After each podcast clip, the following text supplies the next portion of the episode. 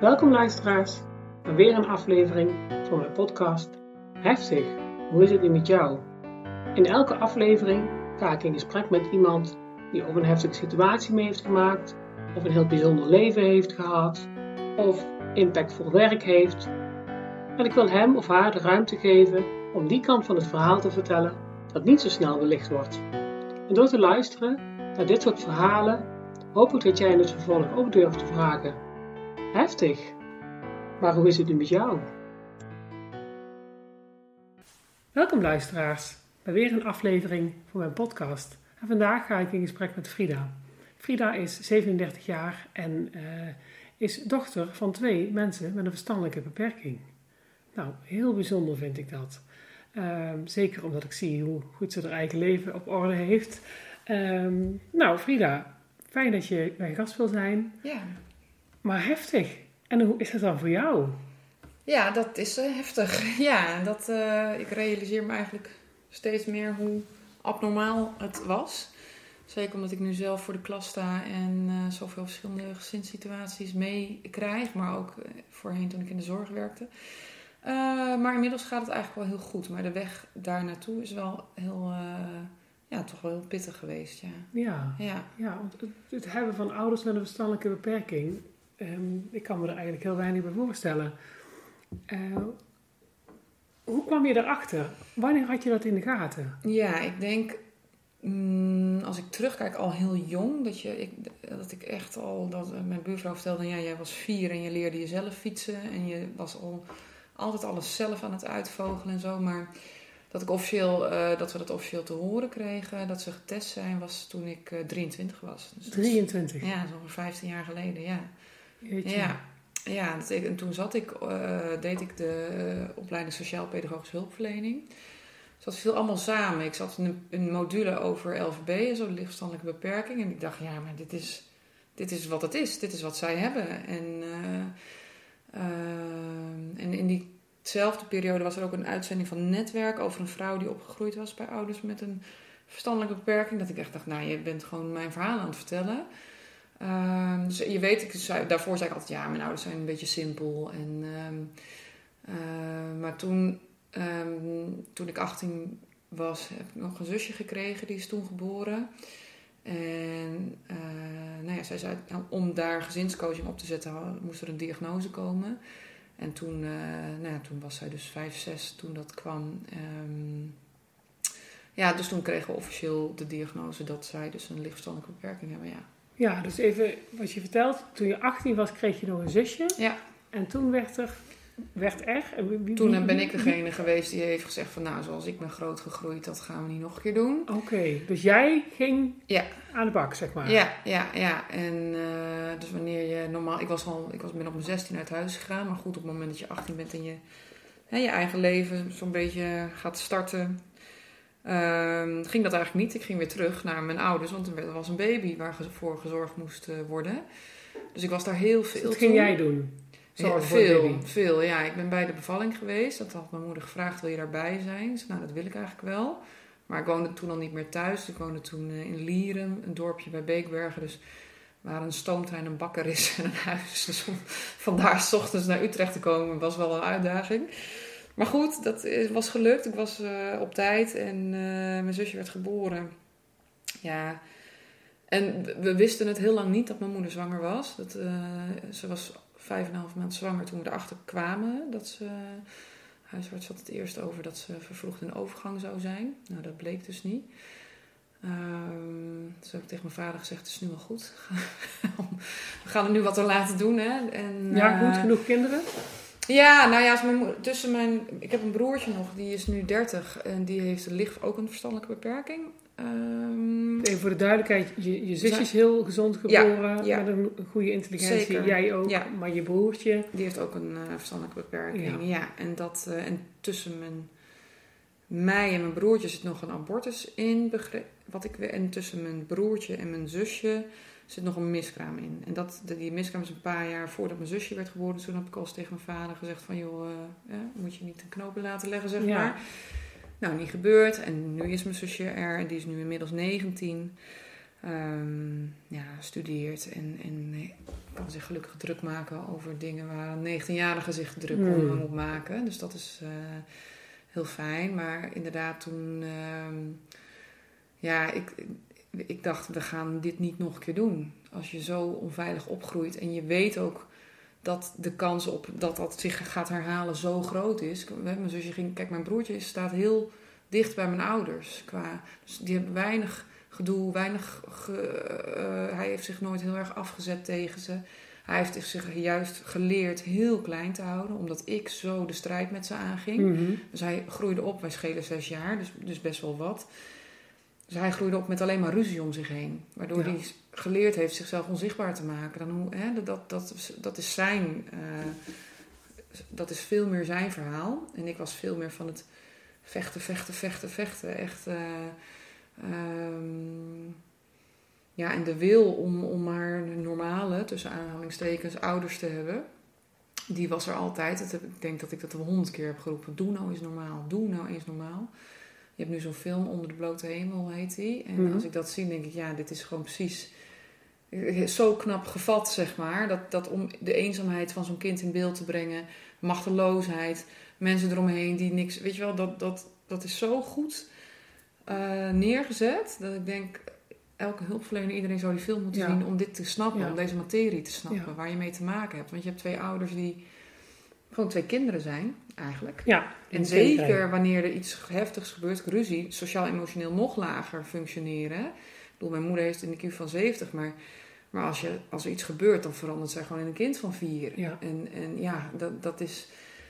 eh, dus dat ben je zelf, als je, hè, eh, ben je dat eh, al heel snel voorbij. Alleen aan de andere kant krijgt je, leer jij ook niet je emoties reguleren. Je Nee, leert niet hoe moet het je is. je ouders leren. Hè? Ja, je leert niet hoe het is om normaal ruzie te hebben en dat weer goed te kunnen maken. Je leert niet omgaan met eh, de uitgestelde aandacht. Je leert, en, en je, vooral dat zij emotioneel niet beschikbaar zijn, Hmm. dat is het zwaarste. Dat Ja. is echt, eh, vond ik het zwaarste. En dat hoor Ja. ik wel van veel mensen die ook zo opgegroeid zijn terug.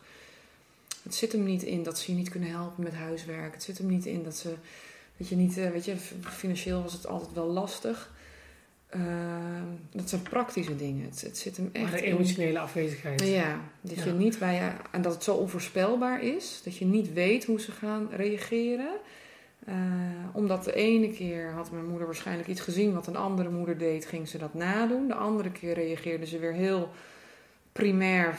Hè? Dus dat, je kon er nooit van op aan. Dus Hmm. dat zorgt voor zoveel onveiligheid, waardoor ik me heel erg ben gaan naar anderen toe. Niet naar mijn ouders, maar meer naar anderen toe. Zo altijd ben gaan aanpassen. Altijd alert op. Ik ben gewoon super alert altijd. Ja. Je staat altijd aan. Dat is wat er gebeurt met een kind. ja, dat is wat trauma heeft gedaan. En wat gelukkig nu eh, veel minder is. En, maar er zijn momenten dat ik nog steeds, oké, dit is niet van nu. Dit is de pijn, dit is deze angst. Wat je nu in je lijf voelt, dat is van toen je klein was. Dat, nou, Ja, dat hoeft nu niet meer. ja. Dat is, maar ja, dat blijft. dat een, zijn de eh, traumareacties. Ja, dat blijft. Ja. Ja. En dat, is, eh, dat vind ik soms wel lastig. Denk, ja. Ja. En mensen zeggen, nou ja, trauma maakt je sterker. Zeg, nee, Nee, ja. Nee, ik, ik, dat wat ik er daarna heb, aan heb gedaan, dat heeft me sterker Ja, gemaakt. want je bent dwars door de berg heen ja, gegaan. Maar niet dat dan trauma. altijd. Ja, precies. Ja, maar niet dat trauma zelf. Nee. Ja. Ja, dat, eh, of je krijgt wat je kan dragen. Dan denk ik, ja, hou- dat, wat dat geloof ik gewoon niet. Of tenminste, dat ik. ik en, eh, en je hebt, ik ben wel. Weet je wel, je kan, ik had ook een totaal een andere kant op kunnen gaan. Een volledig verkeerde pad op. Ja, ik heel vind het zo knap hoe je er Ja, nou, bij zit, hoe je het voor elkaar hebt. Ik zit er in jouw huis, dat heb je super mooi voor elkaar. Je hebt een dokter. Ik Ja, zie je foto, ik zie je foto van je zusje. ja, Toen ja. ik binnenkwam, zei ik ook van jeetje, wat hebben je ouders knappe kinderen gekregen. Ja, nou, ja, Ja. dat is heel lief. Ja, bijzonder hoor. Ja, ze is ook, eh, ja daar, is, daar ben ik ook echt heel trots op. Ja, ook dat snap het, ik. En mijn dochter is ook wel mijn grootste motivator geweest om te zeggen: het stopt bij mij. Het Ja. stopt wel echt hier. Ja. Ik, ik ga niet zo iemand worden die slachtoffer is geweest en dader gaat worden, kwaad fysieke geweld. En dat, tuurlijk geef ik dingen door, daar ben ik me echt wel van bewust. Mhm. Weet je, zoals iedere ouder dat doet. Maar ik, ik ben wel, als ik kijk naar mijn dochter en hoe sterk zij is en hoe eigen ze is en hoe ze in het leven staat en hoe ze weet dat ze bij, zowel bij haar vader als bij mij, eh, we zijn niet meer samen, maar hoe, hoe ze weet dat alles bespreekbaar is en alles kan. Dat is echt waar je een ouder terecht kan. En dat ik die onvoorwaardelijke liefde voor haar kan voelen. En zij voor mij. En dat ik dat. Uh, dus het, is, het bestaat naast elkaar. Daardoor is het gemis naar, naar mijn moeder of een moeder hebben extra groot. Mm Want je wordt geconfronteerd met een leegte. En aan de andere kant ben ik heel trots op, op, op uh, ja, ook hoe mijn zusje in het leven staat en, en hoe mijn dochter, weet je wel, hoe, hoe die zich ontwikkelt. Um, Knap hoor. Ja, dat vind ik mijn grootste goed wel, ja. Ik wil even teruggaan. Hè? Ja, dat je zegt, ja, ik, ga je. Het tweede is helemaal goed, maar ik, ik hoor jou uh, zeggen dat je dus heel, je heel eenzaam hebt gevoeld als ja. kind. Ja. Wat, wat, waren daar je, je vroege herinneringen van? Dat je dacht, hé, hey, bij ons thuis is het toch echt wel een beetje raar. Ja, dat zit hem in kleine dingen. Dat zit hem in dat je. Ik kreeg niet uh, een, een tijd mee als ik buiten ging spelen of zo. Ik, uh, er, was niet, was niet iemand die vroeg hoe was je dag. Uh, er is, het, het, werd niet gezien als ik verdrietig was of blij was. Of, ehm, ik werd niet geknuffeld wanneer ik dat nodig had, maar wanneer het de behoefte van met name mijn moeder was. Um, en dat, dus je leert dan alleen maar te geven. Hmm. En je leert niet te ontvangen. En ja. dat jij het waard bent om liefde te ontvangen, nou, dat heeft echt pff, heel, heel lang geduurd. Om jezelf ja. op waarde te schatten. En dan zeggen mensen. Um, en die, die, discussie gaat natuurlijk altijd: mogen deze, of deze mensen, mogen mensen met een beperking ja, kinderen dat is krijgen? een vraag van mij. Vind je dat je ouders kinderen hadden mogen krijgen? Um, ja, dat vind ik moeilijk. Want ja, dat snap ik. Ik vind het heel is... moeilijk. Dus ik geloof ook niet dat er een zwart... Kijk, als ik het zeg nee, dan ontken ik mezelf. Ja. ja. En, en ik heb zo lang gedaan om mezelf plek te geven. Ja. En ook wie ben ik zonder hun, hè? Want het ja. ging altijd over Frida en die ouders. Of Frida, we mogen niet bij jou spelen, want jouw ouders zijn zo raar. Dus het was er altijd. En aan de andere kant denk ik, ja dat iedereen kan maar kinderen krijgen. En, maar er zit, er ook, er zit gewoon ook een, een, een verantwoordelijkheid aan verbonden. Ja. En die konden zij niet, die konden zij niet uh, uh, vervullen. Um, maar het is ook weer niet zo zwart-wit dat ze. Kijk, ik geloof heel erg in dat, dat het niet per se is waar je wieg staat, maar wie er om die wieg heen staan. Ja. En als je dan mensen hebt die dat Kijk, dat hechten, dat, dat, dat kan je, je kan daar goed, je kan je goed leren hechten. Daar heb je niet per se je ouders voor nodig. Mhm. Mm -hmm. um, dus wanneer er meer in de omgeving. Kijk, ik zeg altijd, had, had mij er alsjeblieft ook uitgehaald. Wat ik voor mijn zusje heb gedaan. Ja, want jij hebt je zusje eruit gehaald. Ja, toen zij uh, negen was, is ze uh, bij mij komen wonen. En bij uh, de vader van mijn dochter. Dus die, heeft, en die is ook, toen, wij, toen waren wij nog samen. En we zijn uit elkaar gegaan en hij heeft gezegd: joh, ik blijf voor haar zorgen, dat verandert niet. Wow. Nou, dat is echt fantastisch. Dat, Ja. dat is voor haar zo'n groot goed. En voor mij en voor, voor onze dochter ook. Dat, is, dat heeft hij echt. eh, Ja, dus jij stond op voor je zusje en Ja. is eigenlijk niemand opgestaan voor jou. Nee, Hoe precies. zat het dan met de omgeving? Ooms, tantes, opa's, oma's, de school, eh, waar, Ja. waar je kwam? Ja, ik, de enige die eh, voor mij ging staan, dat was mijn buurvrouw. Dat was de enige, in mijn ogen, normaal volwassene. En dan weer die, die het zag en die zo vaak mij uit huis kwam halen. En die zei altijd, ik vind het, vond het meest heftig altijd, weet je, als er lawaai was en, en schreeuwen en ruzie. En dan was het ineens helemaal stil. En dat zijn de momenten dat ik dacht, oh, leeft ze gewoon nog? Weet je wel, zo, want het Oh, fysieke geweld was echt, echt heftig. Het was Ja? echt van de trap gooien, slaan, schoppen, spugen, alles, ehm, de haren trekken, echt heel... Waren dat je beide ouders? Eh, nee, mijn moeder, jawel, beide. Jawel, maar al, beide op een andere manier. Maar mijn moeder was meer van het schreeuwen, schelden en haren trekken, knijpen. Dat, ja, zoals een klein kind gaat vechten, zeg Ja. maar. Dat, en mijn Ja. vader was meer, die wilde dan vanuit, ja, vanuit onmacht, maar door denken dan, ik sla het er wel uit. Maar uit onmacht de macht proberen te pakken ja, of zo? Ja, Hmm. ja. En ik was natuurlijk heel snel al verbaal veel sterker. Ja. Uh, dus dat, was, dat, was, dat maakte het gewoon heel moeilijk. Maar mijn buurvrouw, die, weet je, maar ik weet van haar dat ze, ik weet heel veel dingen weet ik ook niet meer goed. Die zijn ergens weggestopt. Hmm. En ik weet niet of ik daarbij wil. Hmm. Dat, uh, ik, toen ik die film aan het kijken was onder de blote hemel, toen kwamen er allemaal dingen terug. Dat ik dacht, oh ja, dit en oh ja, dat. Oh, dat is ook nog gebeurd. En Oh ja. dat was vond ik heel heftig. Vond ik Ja. echt heel. Uh, dus ik heb echt met een knoop in mijn maag naar die film zitten kijken. Eh, maar ook wel weer goed, denk ik. Toch? Mhm. Ja. ehm, maar zij heeft me verteld dat ze het op school heeft aangegeven. Ehm, nou dat ze wel eens met familie van mij heeft gepraat. Nu hielden mijn ouders de deur heel erg dicht. Mm, maar wat ik vooral vanuit school, dat daar bij mijn weten in ieder geval nooit. Kijk, zij heeft, zij heeft me verteld dat, er waarschijnlijk wel eens een melding is gedaan vanuit school. Maar ik, ik, heb in, ik heb in ieder geval nooit iemand gezien. Nee. En ook vanuit een huisarts of zo, denk ik. Hoe kan dat nou? Ja. Hoe kan het? Hoe Heel kan het? Als ik in een klas kijk en denk, hé, hey, weet je, dit valt op, dan. dan eh, en toch, het gebeurt nog steeds heel veel. Je, ik, ik geef regelmatig trainingen aan gezinscoaches of aan wijkteams. En dan oh, hierover, hè, over mijn verhaal. En hoe is het nou om, om zo op te groeien? En waar moet je op letten?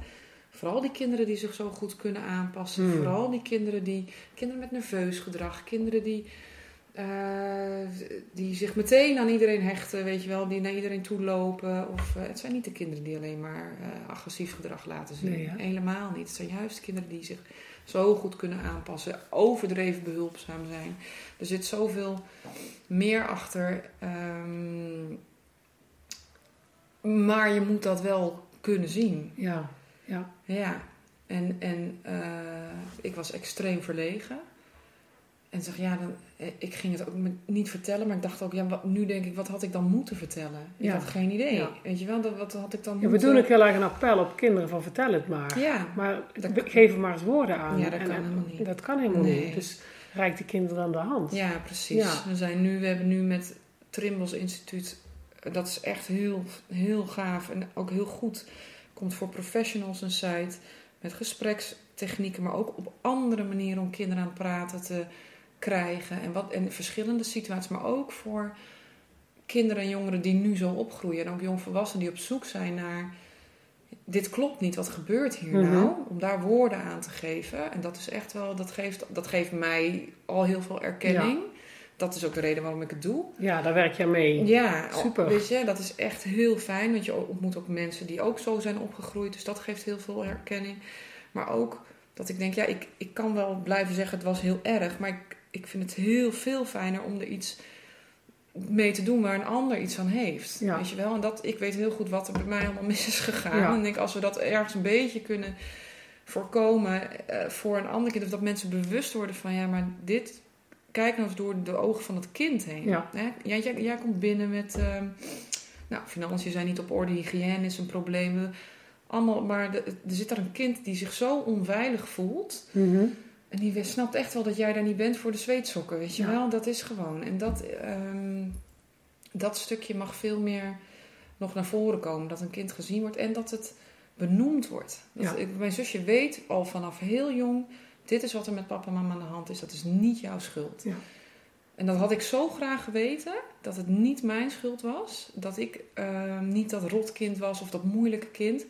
Nee, je hebt gewoon te maken met ouders die niet in staat zijn om hun kinderen Ja, ik vind het wel bijzonder. Want het is, in- ik heb meer podcasts opgenomen Ja. van getraumatiseerde mensen. Ja. Nina Blom heeft verteld over Munchausen bij Proxy. Heeft, Mhm. heeft een boek geschreven, Je bent een verschrikkelijk kind. Ja.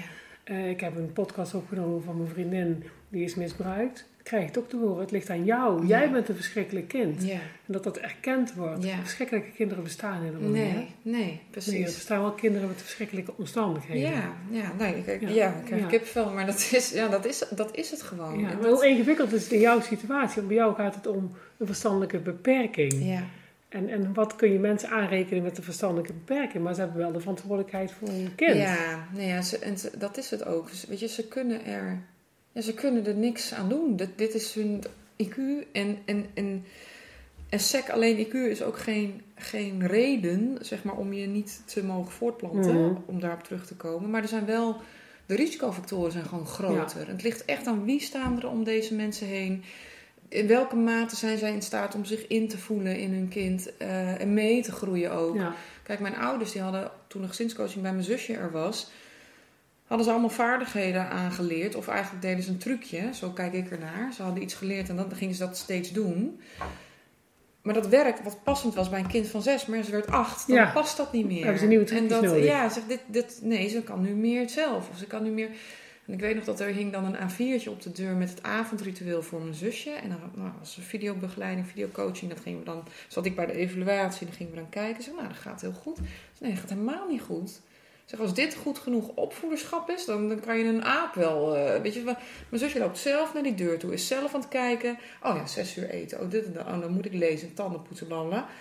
Dit heeft niks met de opvoeden te maken. Het heeft niks met je kinderen veilig grootbrengen te maken. Dat, dat, kan gewoon niet. Nee, en jij zag dat? Ja, ik zei dus dit gaan we niet doen. Dan gaat ze eruit. En, uh, en, gelukkig is dat met een vrijwillige pleegzorgplaatsing gegaan. En, ze ging bij jou. Ze kwam bij jou wonen. Ja. Jij was haar voogd. Ja, ja we hebben toen uh, uh, dat in de familie ook wel besproken. Met wie kon je dat bespreken? Ik heb dat met mijn oom, eh, waar ik ook gewoond heb, eh, als eerste besproken. Oh ja, je hebt ook bij een oom gewoond? Ja, mijn oom en tante inderdaad. Dus de zus van mijn vader. En vanaf mijn negentiende... Want je vader is de enige met een verstandelijke beperking in zijn familie? Uh, zover ik weet wel. Oké. Ja. Ja, de rest heeft normaal Nou, tenminste binnen zijn gezin sowieso. Ja, nee, ik dacht maar binnen... Ik zat even aan alle ooms en tantes en broers en zus van mijn oma te denken. Nee, maar zijn zussen zijn hoog opgeleid. En, uh, of ja, ik heb de moeite met dat woord. Theoretisch opgeleid. Ja. Ja, uh, ze zijn theoretisch opgeleid. En uh, ja... En waarom heb je moeite met die term? Omdat ik niet vind dat er een... Um, ik vind laag opgeleid een beetje denigerend klinken. Terwijl je doet een aan, uh, aanspraak op capaciteiten die iemand heeft. Mhm. En, en, en IQ, daar kan je niks aan doen. Daar, dat is een gegeven. Motivatie en, en, en doorzettingsvermogen. Dat, hè, iemand, ik heb een kind in de klas met mega dyslexie. En, maar uh, IQ-onderzoek gehad, niks mis mee. Nee. Wordt bestempeld als ze kan het niet, zie je wel, maar ze heeft een andere manier nodig. En ze heeft een drive en ze heeft een doorzettingsvermogen. Mooi. En uh, ze, ze, vertelde dat ze later edelsmid wil worden. Nou, ze eerst mijnwerker. Ik zei mijnwerker. edelsmid. Ja, en, dat, maar, en ook ouders die daar omheen staan. Die haar opvangen en die realiseren... School wordt voor haar gewoon een verschrikking. Maar we gaan je er doorheen slepen met z'n allen. En wat dus een netwerk doet. Hè? Ja. En... Uh, Maakt jou dat ook zo, jouw achtergrond jou zo'n gedreven leerkracht? Nou, ik, ja, en dan vind ik niet eens het didactische zo belangrijk, maar het kind zien. Ja, dat ja. kind zien, ik, ik denk, of ik hoor vaak terug en ik denk ook wel dat dat zo is, dat ik het kind zie. Ja. Dat ik kan zien van, dat ik, ik sta natuurlijk meteen, ik ben heel alert, dus ik zie, wacht even, daar zit wat, oké, wat zit daaronder? En ik geloof niet in negatief gedrag. Nee. Dat bestaat niet. Het, dat gedrag laat hij zien omdat het heeft een functie, anders zou je het niet laten zien. Maar het kan wel, het komt heel. Voor wie is dit nou lastig? Voor jou of voor mij, dit Mhm. gedrag? En, dat, uh, en juist, nou, wat ik net al zei, deze kinderen die dan, wat voor situatie dan ook moeilijk hebben thuis. Uh, ja, dat zijn echt niet alleen maar de herrieschoppers. Nee. Dat zijn ook de kinderen die zich uh, aanpassen. Of waarvan ik, kinderen waarvan die continu alles zien. Dan gaat, bij mij is dat meteen, oké, okay, dan moet even in de gaten houden. Ja. En even, um, ja, en nou werk ik op een school uh, waar heel veel uh, theoretisch opgeleide mensen. Het is een, echt een hele witte school. En uh, waarbij al vaak de aanname is dat het dus wel goed is thuis. Mm. Want er is mm. geld. Er is, maar mm. dat, is, ja, dat is natuurlijk maar schijn. Dat ga er maar eens achter kijken. Ja. En hoe erg is het niet als jouw ouders beide fulltime aan het werk zijn en jij vijf dagen naar de BSO moet en, en jouw ouders helemaal niks aan mij ja. over kunnen, bijna weinig over jou kunnen vertellen, dan denk je ja, ik weet niet of dat nou zo goed is. Zeg ja, maar. mooi wat je net zo benoemde van ik, ik zie dat kind. Want ik vind het zo'n essentiële vraag ja. aan, aan mensen van wie zag jou echt toen jij kind was? Ja. En als je dan een leerkracht hebt die jou echt zag. Ja. En nou ja, het is te hopen dat je veel meer mensen hebt die jou echt zagen. Ja. Maar zeker in een leven van een kind waarin ouders ja. het kind niet echt zien. Ja, dat is verschrikkelijk. Mooi of, dat je weet dat je wel? hebt. Dat echt, uh, of ouders die zo bezig zijn met zich ja, met, met, het, nou, maar met het plaatje Ja. ook maar. We leven voor de buitenwereld en het moet allemaal...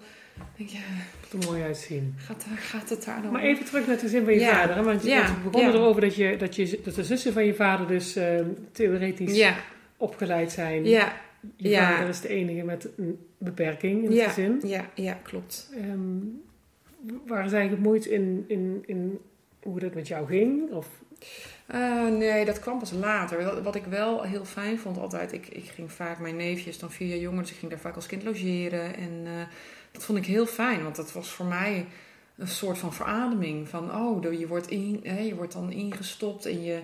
Uh, Mocht je even kind zijn? Ja, je kon inderdaad gewoon even kind zijn. En je kon eventjes... Uh, ik deed dat thuis ook wel, dat ik dan... Uh, maar er was geen... Ja... Uh, dat was gewoon heel eenzaam en heel alleen. En hier was het mijn tante die dan uh, mijn haar ging invlechten. Of wat je heet, ze hele ja. kleine dingen, verzorgende. En, uh, en dat ik merkte dat zij, hoe raar dat ook klinkt, gesprekken hadden met elkaar.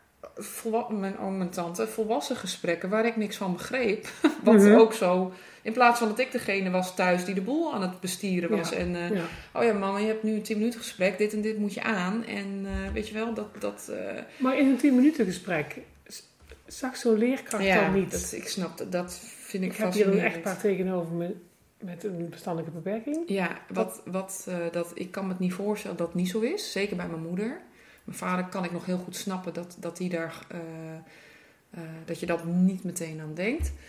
Um, en de andere kant is ook dat mijn moeder heel goed is in napraten.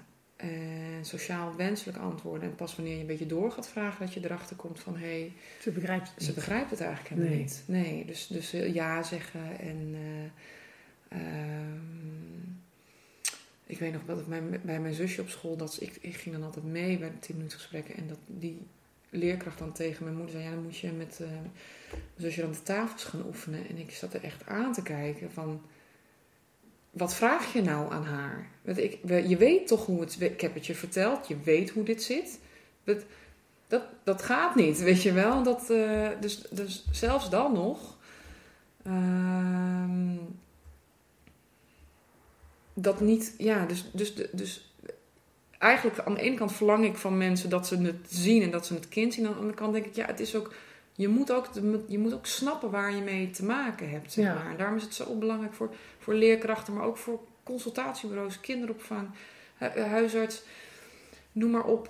Uh, dat, ze de, dat, je, dat je weet waar je, het snapt waar je mee ja. te maken hebt, zeg maar. Als je vermoedens hebt, dat je weet waar je naar toe verwezen kan worden en dat daar dat je bevestigd wordt. Want vaak heb je wel een beetje een idee. En ja. dan hoef je niet per se deze stempel erop te drukken. Maar uh, mensen moeten gezien hebben dat onze gezinssituatie niet normaal was. Nee.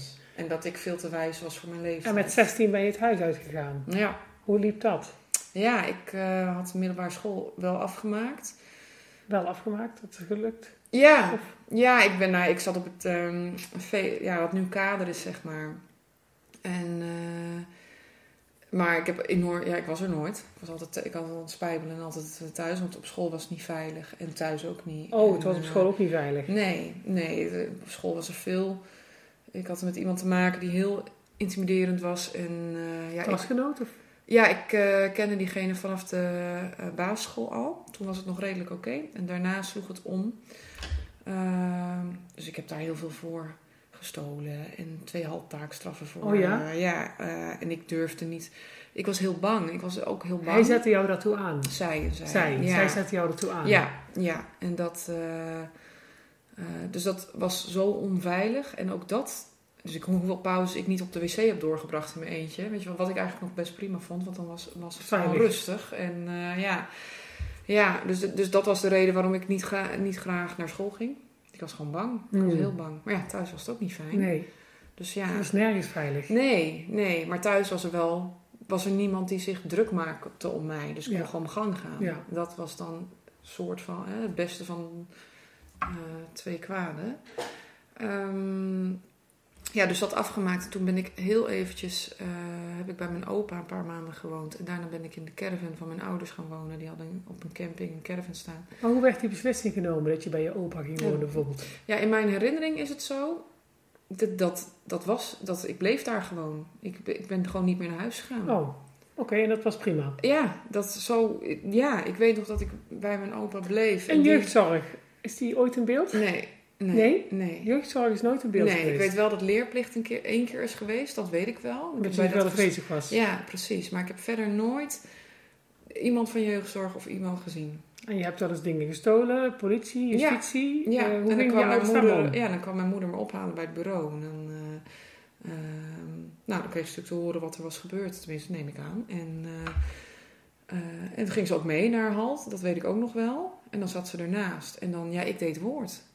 En ik wist het wel te verbloemen natuurlijk. Ik was inmiddels ook wel op een leven, 13, 14 zo. Dat ik wel door had, denk ik. ehm, ik was gewend om het woord te doen. Ja, ik was gewend om te praten, te regelen en te doen. Weet je, dat, dat deed ik altijd al. Dus ik wist ook wel heel goed, denk ik, de vragen, als die er dan waren, om die te omzeilen. En Hmm. het dan zo... Maar ja, dat moet dan ook opvallen. Maar niemand pakte door, prikte er doorheen. Niet dat ik. eh, nee, Nee. Ik, heb nooit, ik heb nooit iemand gezien. Ik heb nooit dat we met z'n allen. Nee, dat is echt pas gekomen toen. eh, toen, mijn, toen we zusje. met mijn zusje aan de slag gingen. Ja. Want op je 16 En- ging jij weer opa en oma, daarna de caravan van je ouders. Ja, heb In je eentje? ja, in mijn eentje, ja. ja. Dan woon je in je eentje. ja, ja, mijn ouders kwamen wel in het weekend. Eh, hoe, hoe verzorgde je jezelf? Ja, terugkijkend denk ik dat ik dat ik niet eh, zo eh, groot ben geworden. Maar op tosties en patat. En, Had je geld? ja, dat, maar dat zorgde mijn opa dan weer voor. Oh, Die die legde dan geld, neer en voor het weekend namen ze dan boodschappen mee. En in de vakanties waren ze dan daar. Ja, en op een gegeven moment heb ik daar een jongen ontmoet. ehm, en daar ben ik toen bij zijn, bij zijn vader ingetrokken. Maar ja, dat ging natuurlijk helemaal niet. Dat was ook alleen maar vluchten. Ja. Dus heeft mijn, toen heeft mijn tante me op een gegeven moment opgebeld. Van joh, mocht dat nou niet goed gaan. Die voelde dat denk ik toch al wel. eh, dan kan je altijd hier terecht. En toen heb ik na een aantal maanden opgebeld. eh, van hé, hey, geldt dat nog? En toen ben ik naar mijn oom en tante gegaan. Oh, toen ben je daarin getrokken. Nou ja, en toen vanaf toen is eigenlijk, eh, ben ik gaan vertellen, langzaamaan, hoe Ja? dat was thuis.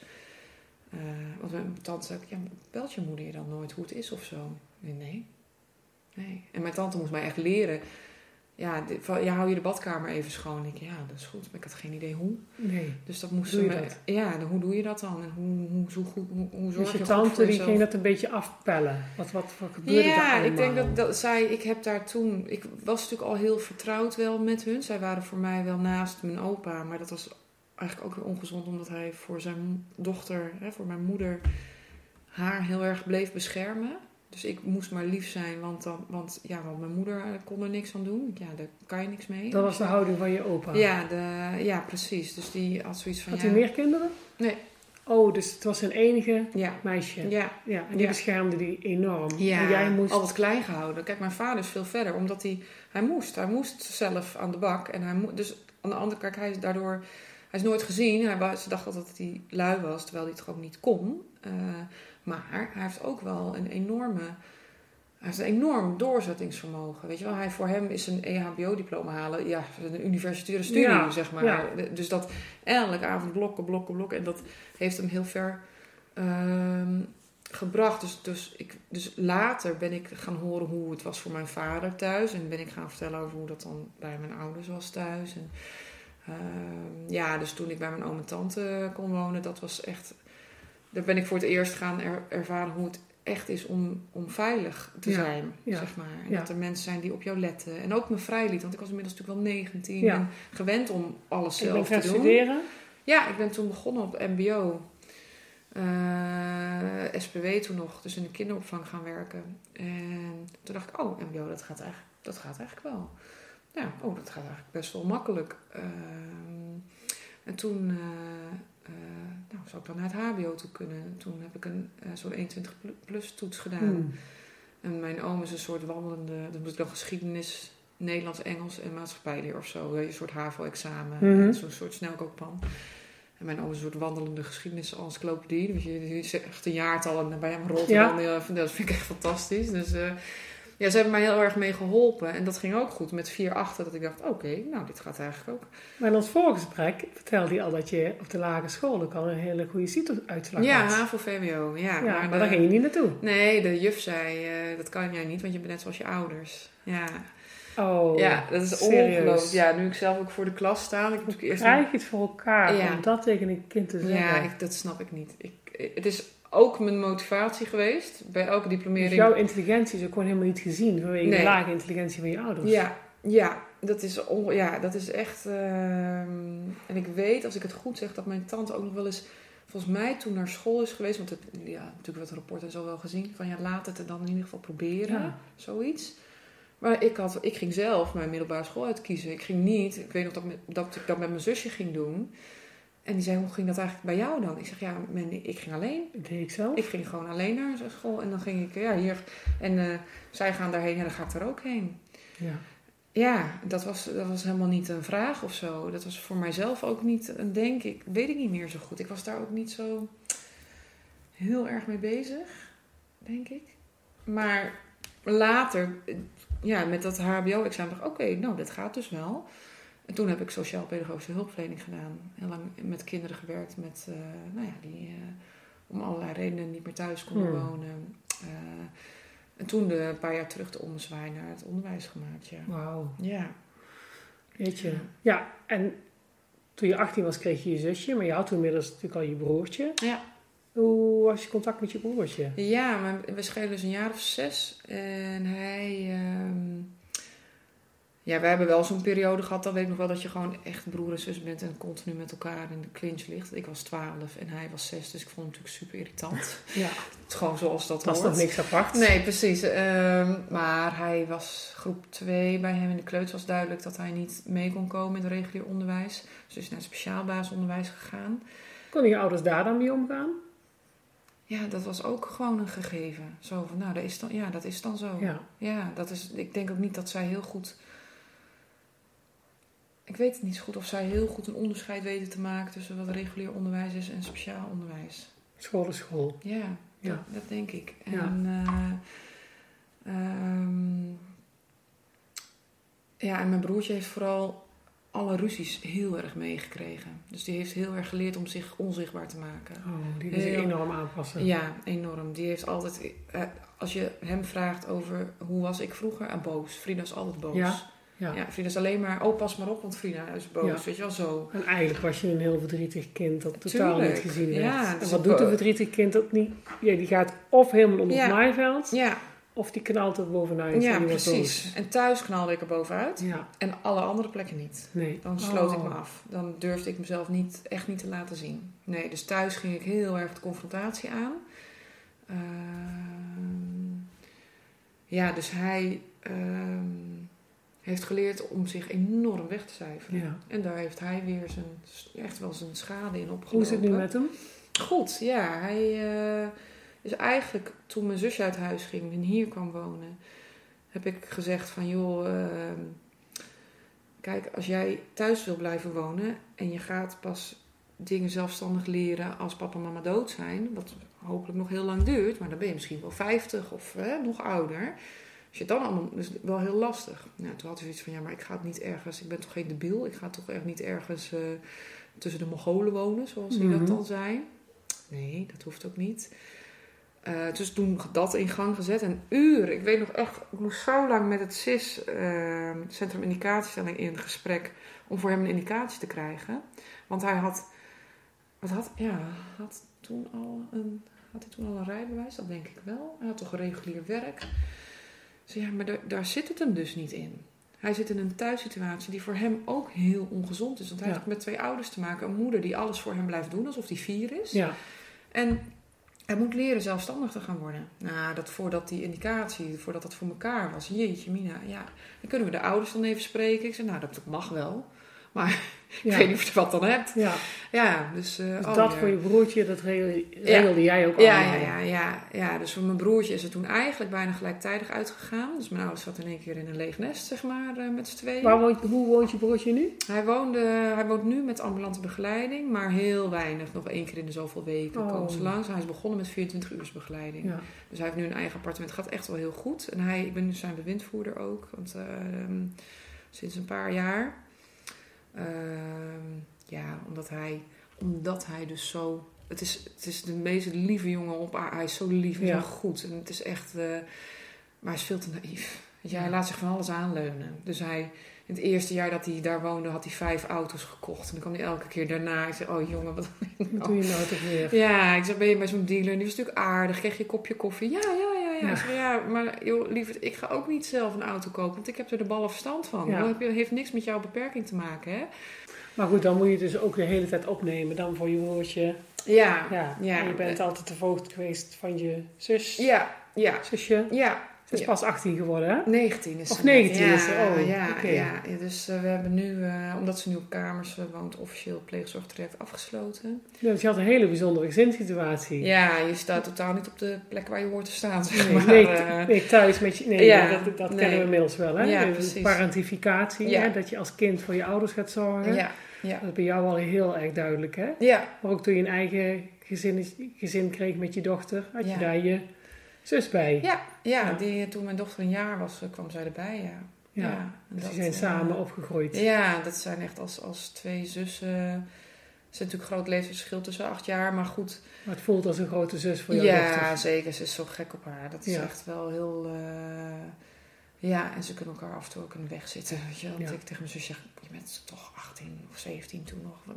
maar, maar, maar, wat zouden we hier nou uit moeten leren uit jouw verhaal? Ja, dat je... Ehm, dat het valt of staat met het kind zien en het kind erkenning geven en, en echt uitleggen wat er gebeurt, zeg maar. En, dat en dat een kind een plek heeft om even kind te kunnen zijn. Kijk, die hele situatie ga je niet oplossen. En ik vind ook niet per se dat een kind daar altijd uitgehaald moet worden. Weet je, het ligt echt aan de situatie. Wie staan er omheen? Maar het belang van... Uh, gezien worden en, en, en heel sterk geloven dat je, dat je hechting kan helen en dat je een goede hechting kan, um, dat je dat kan herstellen ja. heel voor een heel groot deel. Um, dat, ik denk dat dat de grootste boodschap is en dat het uh, iemand lijkt heel sterk, maar er zit wel er zit wel een verhaal achter. Dus ik vind het soms heel lastig als mensen zeggen: Oh, maar je bent toch zo goed uitgekomen. Hmm. Dan vind ik aan de ene kant is het een compliment, en aan de andere kant bagatelliseer je voor mij de weg die dat is geweest. En aan de andere kant denk je: Ik snap het ook. Zijn er mensen die dan zeggen: Ja, ja maar ik, ik snap dit ook niet. Want jij, ik kan me niet voorstellen dat je zo opgroeit. Daar heb ik veel meer aan als iemand dat zegt. Hmm. Dan als iemand gaat zeggen: Oh ja, nee, ja. Ja, want mijn moeder heeft ook. Uh, nou, weet ik veel. Dan, iets pijnlijk, hè? Ja, dan denk ik, ja... Je snapt het echt niet. Nee, dan snap je het precies niet, zeg maar. Nee, dat... Uh, dat het beter is dat je dat gewoon zegt, van ik snap dit niet. Ja, wat, ja, het lijkt me heel lastig voor je. je Maar ik kan me niet voorstellen hoe dat is. Nee, Daar, dat is heel eerlijk. Dat is heel eerlijk en heel kwetsbaar ook, weet je wel. En dat is... Daar heb ik, dat hoor ik veel liever. Ja. Ik vind het zelf ook zo, nu ik een beetje praat, zo fascinerend hoe veel overeenkomsten er zijn in, op verschillende manieren, maar dat ja. alles terug te voeren is op trauma. Ja. Of ik dat met mijn vriendin spreek ja. over seksueel misbruik, of dat ik met Nina Blom spreek over Munchausen bij mm -hmm. of dat ik met jou spreek over je ouders met een verstandelijke beperking. Het, het, is heel veel is terug te voeren op trauma, onveilig gehecht, uh, als, als baby in het duister tasten van Absoluut. Wie, wie, wie ziet mij, wie, wie vangt mij op? Als ik val, wie vangt mij dan? Ja, nee, dat, dat, is ook zo. En dat dat letterlijk dat in je lijf zit, zeg maar. Kijk, ik weet het hier vanuit de ratio. Dus ik heb ook heel veel, nou, had heel veel, maar wel wat therapeuten gehad die met depressie kwamen of met borderline. Of met, dat ik dacht, en dan zat ik in zo'n verstraining met mensen met borderline. Wat ik echt heel heftig vind als je dat hebt. Ja. lijkt me verschrikkelijk. Maar ik dacht, nee, dit, dit past niet. Maar ook zo'n diagnose is dan altijd een, een, een sluit... Een intern iets ook maken ze ervan, hè? Het zit in jou. Ja, maar het komt ergens vandaan. Ja. Die, die, ja, dat je uiteindelijk een diagnose... Dat je depressief bent, dat je borderline hebt. Ja. Dat komt ook ergens vandaan. Ja, nee, dat is ook niet zomaar inderdaad. Het heeft even geduurd. Ik weet nog dat ik... Ik was denk ik 31 of zo. En toen ben ik... Ja, toen kon ik alles wat ik aan overlevingsmechanismen had dat ging niet meer. Alle maskers die ik had en dat was klaar, zeg maar. Mhm. Dus mijn collega toen nog in de zorg, die zei, gaat het wel? Nou, en toen ging... Nou, en ik dacht, nou dan huil ik even en dan is het klaar. Maar dat stopte gewoon niet meer. Nee. Oké, dit is wel mijn signaal. Mijn lichaam had al 10.000 keer aan de bel getrokken van... Uh, nou, het is nu wel genoeg geweest. En toen, dat was wel, dat was ook de periode dat uh, de vader van mijn dochter en ik waren net uh, een jaar uit elkaar. Dus het was, was, was gewoon moeilijk. Ja. Mijn dochter was nog jong en toen heb ik echt wel. Um, en toen ben ik met degene met wie ik vaak training geef. Zij is uh, onder andere systeemtherapeut. En ze zei: Ja, jij weet het prima hier. Ja. Maar jij komt niet hier. Nee. Jij komt niet bij je gevoel. Je komt niet verder dan dit. Je analyseert alles. Je kan het prima vertellen. We hebben ons ratio en ons gevoel, hè? Ja, maar jij komt helemaal niet hier. Nee. Dus nee. Je gaat, het is goed dat jij... Toen is zij met mij meegegaan. Uh, eerst naar reguliere GGZ. En dan kreeg ik uh, ook ja, een combinatie van antipersoonlijkheidsstoornis met... Ik dacht, ja, dit is het toch. Ik zeg, dit... Wat heeft je wel geholpen? Ja, en toen zei ze, we gaan naar de antroposofische tak. Ik zei, toen, ja, dan krijg ik al een beetje jeuk. Ik dacht, ja, ik weet niet of dat te zweverig is. En dan had ik, allemaal, ik had er een heel idee bij, onterecht. Um, toen ben ik daar gaan praten. En dat was de eerste psycholoog die zei, ik vind het allemaal prachtig wat je vertelt. Maar ik geloof er geen reet van. Want jij, de, je, je vertelt het zonder, hè, dus je bent zonder enorm aan het dissociëren. Dat heb je ook altijd moeten doen. Maar uh, we gaan wel we gaan, we gaan niet jou in, nu al in schematherapie zetten. Of, nee, we gaan eerst dat trauma oplossen. Ja. Want daar zit het, daar zit de pijn. Ook daar gaan we dat het een trauma ja, is. Ja, en dat het buiten jou om ligt. Er is Ja. niks mis met jou. Je, jij kan hier niks aan doen. Nou, dat was al... Dat iemand dat zo zei. Jij, jij Zo de kracht Ja. van erkenning, hè? ja, en toen zei nou, com- complexe PTSS kwam eruit. En toen kwam ik daar in een, in een twintigweekse programma. En toen was dat zo alle puzzelstukjes op hun plek qua hechting, Ah, Qua- ja. qua eh, wat je tekort bent gekomen, overlevingsgedrag wat daaruit voortvloeit. Eh, niet te hebben geleerd hoe je emoties goed moet reguleren. Dat allemaal kwam zo aan bod. En al die mensen daar hadden dus ook of te maken gehad met misbruik, of met mishandeling, of met allemaal onveilige thuissituaties. Ja. En Ja. omdat het, ja, dus ik dacht complex, ik ben toch geen oorlogsveteraan of wat. eh. Nee, maar je bent als kind langdurig aan trauma blootgesteld. Dat zit, jouw hersenen zijn echt anders aangelegd daardoor. Ja. De hers- weet je wel, dat is, dat, kunnen, Ja. dat is gewoon aangetoond. Mensen met vroegtijdig trauma, de hersenontwikkeling is anders. Ja. Dat is, Ja. eh, weet je wel, en dat, dat kan, en wil niet zeggen dat je dan opgegeven bent. Nee. Gelukkig. nee, je kunt ook nieuwe wegen weer aanleggen. Maar... Ja, dus, en nou, dus daar begon eigenlijk dat ik dacht, oh oké, dit is dus wat er speelt en dit is waarom ik dus zo reageer. En nu onlangs ben ik heel erg bezig geweest met eh, veel meer met, met echt dicht bij mezelf en zelfliefde en zelfvertrouwen. Nou, Hmm. dat is iets van het laatste jaar eigenlijk. Ja. Dat ik mezelf dus plek mag geven en, en denk, oh ja, ik, het is heel belangrijk dat ik heel veel van mezelf haal. Ja. En dat ik dat niet daar, daar, daar probeer te halen. En dat dat hele oplossen, dat ik dat ook niet bij mijn ouders meer ga krijgen. En dat ik dat zelf dus Daar ga je doen niks heb. vinden. Nee. En ja. Hoe is het contact met je ouders? Ehm, het is oppervlakkig. Ik spreek ze. Veel, ja, we, we hebben weinig contact. Ik denk dat als ik ze. Nou, ik zie ze niet eens één keer in de maand. Nee. Het ligt er een beetje aan. Kijk, verjaardagen zijn ze er wel. Of eh, de tweede kerstdag komen ze wel hier. En dan. ehm, ze zijn ook de open oma van mijn dochter. En, Mhm. en, en mijn broertje bijvoorbeeld, mijn, mijn dochter is stapelgek op haar oom. Echt, he- die Mhm. vliegt om de nek en dan... Maar ze is inmiddels op een leeftijd dat ze echt wel ziet dat... Ze weet het ook wel. Ze Ja. weet heel goed wat er met opa en oma aan de hand is.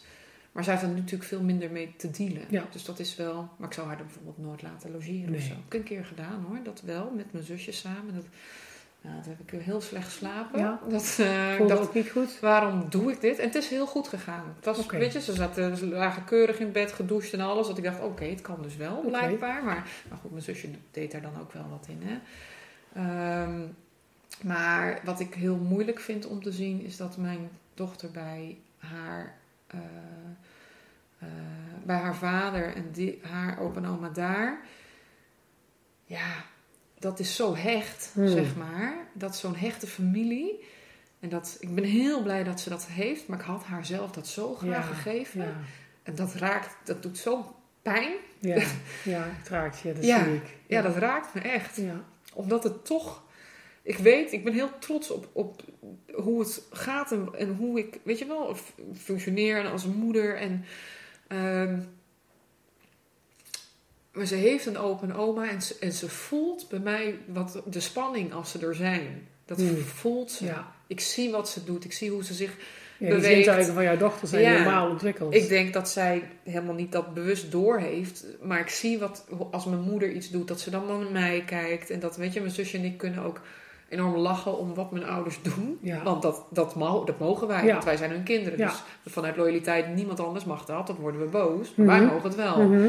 En dan soms doe je, doen ze ook dingen dat je denkt, mijn god, dat krijg je niet verzonnen. jullie snappen elkaar. Ja, en uh, uh, dus de band is, ja, um, hij is wel wat beter geworden naarmate, de ja, na, naarmate ik ouder word. En is het verschillend, je vader of je moeder? Ja, ja zeker. De band met mijn vader, ondanks dat met hem het fysieke geweld veel heftiger was, is met hem de band wel beter. Omdat hij ook echt heel erg spijt heeft. Hij kan oprecht spijt betuigen daarover. Hij kan mm. oprecht zeggen, Frida, dat had ik niet moeten doen. En, dat ik, mm. en ik geloof ook dat hij dat meent. Mm. Ik weet alleen dat hij, als mijn zusje thuis had blijven wonen... En zij is mondig, ze is verbaal ook sterk. Het is een slimme meid. Die had, dan had hetzelfde gebeurd. Ja, denk, omdat hij niet anders kan in zo'n situatie. Vanuit onmacht. En dat bij je moeder eh, anders. Dat is bij mijn moeder, die kan dat niet. Die kan niet daarin naar zichzelf kijken. Die praat mee en die praat na. En die. Um, ik kan haar ook, ik kan mijn vader echt wel knuffelen en een zoen geven. Bij mijn moeder kan ik dat niet. Nog steeds niet. ik verstijf. Ja, ik verstijf. ik, ga letterlijk op slot. Ja. En dat is nog steeds zo. En ik weet niet of ik dat gewoon te accepteren heb. Of, of dat ik het anders. Want zij wil heel veel liefde geven, dat zie ik. Maar het is zo ongemakkelijk. Het is zo dansen om elkaar heen bewegen. En weet je wel, ik, ik, ik voel me er zo ja, dat, is, dat gaat voor mij, uh, dat lukt me gewoon niet. Nee, het lukt me echt niet. Nee. En, en, en dan mag, moet ik dat dan gaan forceren? Nee. dit is wat het is. Ja. Dit is gewoon je kunt bij je ouders niks halen. Nee, nee, nee, dat is echt... Uh, en dan grappig genoeg, mijn vader had laatst een pensioneringsfeestje... en dan spreek je wat collega's van hem. En dan hoor je dus, dat vertelt hij dus niet zelf... maar ook hoe primair hij is in zijn werk dan wat hij deed... en hoe hij onder de vleugels is genomen van iemand die hem de jaren dat hij daar heeft gewerkt, echt 13, 14 jaar of zo, misschien wel langer, weet ik niet. Die uh, elke keer gezorgd hebben dat hij maar kon blijven werken. Ja, ik denk, daar heb je gewoon enorm mazzel mee gehad. Ja. Dat, um, en dat vertelt iemand dan heel leuk aan jou, hè? Van nou, je vader was wel moeilijk en heel primair en dat. Ik denk, ja, ik ben zijn dochter, hè? Ik ben daar, ik, ik weet het, want ik ben daar opgegroeid, zeg maar. En jullie weten allemaal. niet onbekend. Nee, je weet allemaal best wel hoe dat dan. En dan ha ha ha. Denk, ja, dit, dan, later dacht ik, wat een raar gesprek is dit eigenlijk. Ja.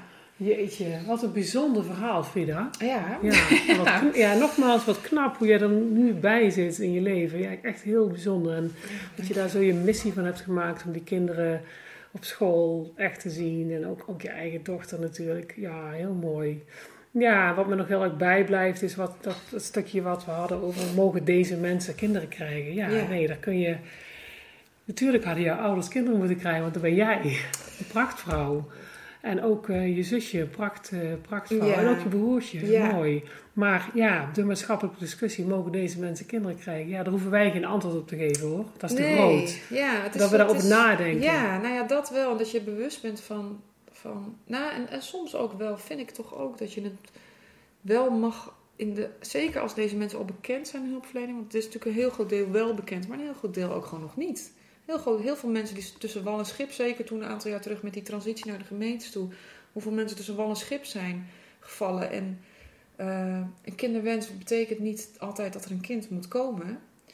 En dan heb je dus met rouwverwerking te maken. Maar ja, wie gaat dat zeggen? Ik ben ooit met, toen was Hugo de Jonge nog wethouder in Rotterdam, was ik uitgenodigd om daar te praten. Dus ik met een, een, een, een zaal vol uh, uh, ja, rechters en ook gynaecologen. En die zeiden, ja, hoe gaan we dat dan praktisch doen? Hè? Want die wet, er is nu wel een deel in de wet aangenomen of een stuk waarbij wordt gezegd dat je tot, tot verplicht uh, anticonceptie en zo kan overgaan. Ehm, maar, of uh, het kan nu nog niet, maar kan iemand laten zien met de tijd dat het wel lukt. Maar ik vind ook, er zijn ook situaties. Eén hoogleraar was daar toen en die vertelde. Ik heb ooit één kind opgegeven. Die vrouw die bleef maar kinderen. Ik ga net zo lang door tot ik er eentje zelf mag houden. En dat hoor je vaker. Ja, ja. En toen hebben we, oké, dan mag je deze zelf houden. Ja, alsof het een fiets is of zo. Ja, en dan denk ik, hè, zodat het maar zou stoppen. En dat kind was met zeven jaar al helemaal verwaarloosd en oh. verschrikkelijk. Dan denk ik, Ja, dan vind ik wel dat je moet kunnen zeggen, nou, tot hier en niet verder. We zullen, Dit is niet goed. Wel Dit in is- moeten grijpen ja, soms. Ja. Hele moeilijke maatschappelijke discussie. Ja, ja, ja, met heel veel echt- randjes en kantjes. En Ja, het is ook niet zo zwart-wit. Nee. Het is ook niet zo zwart-wit. En, dan, en dat zeggen mensen ook, en dat is ook zo, er zijn genoeg mensen met een gezond verstand die er ook een potje van maken. Nou ja, noem de voorbeelden die je... Hè, dat, Ja, dat, zijn er genoeg. Ja, en dat... eh, dus het is niet zo zwart-wit te zeggen, maar het is wel iets waarbij je kan bedenken... op het moment dat mensen een verstandelijke beperking hebben... dan zijn de risicofactoren zo groot dat je... Dat je, dat, je daar, dat je daar heel veel eh, op moet zetten. Wil Ja. een kind goed, eh, ja, goed genoeg? Wat is dan goed genoeg? Hè? Maar groot groeien. Dat, ja. ja. Gelukkig hebben jouw ouders, ondanks alles, kinderen gekregen. Ja. En heb ik met jou dit hele mooie gesprek mogen voeren. ja, ik ben ook heel blij dat ik er ben. Ja, ja, Ja. ja. Dankjewel. Ja, ja graag Dankjewel gedaan. En eh, jij dat je mijn gast eh, wilde zijn. Dankjewel voor het luisteren naar mijn podcast. Ik vind het super leuk om te horen wat jullie ervan hebben gevonden. Dus daar mag je me altijd een appje of een mailtje over sturen. Dankjewel en tot de volgende keer.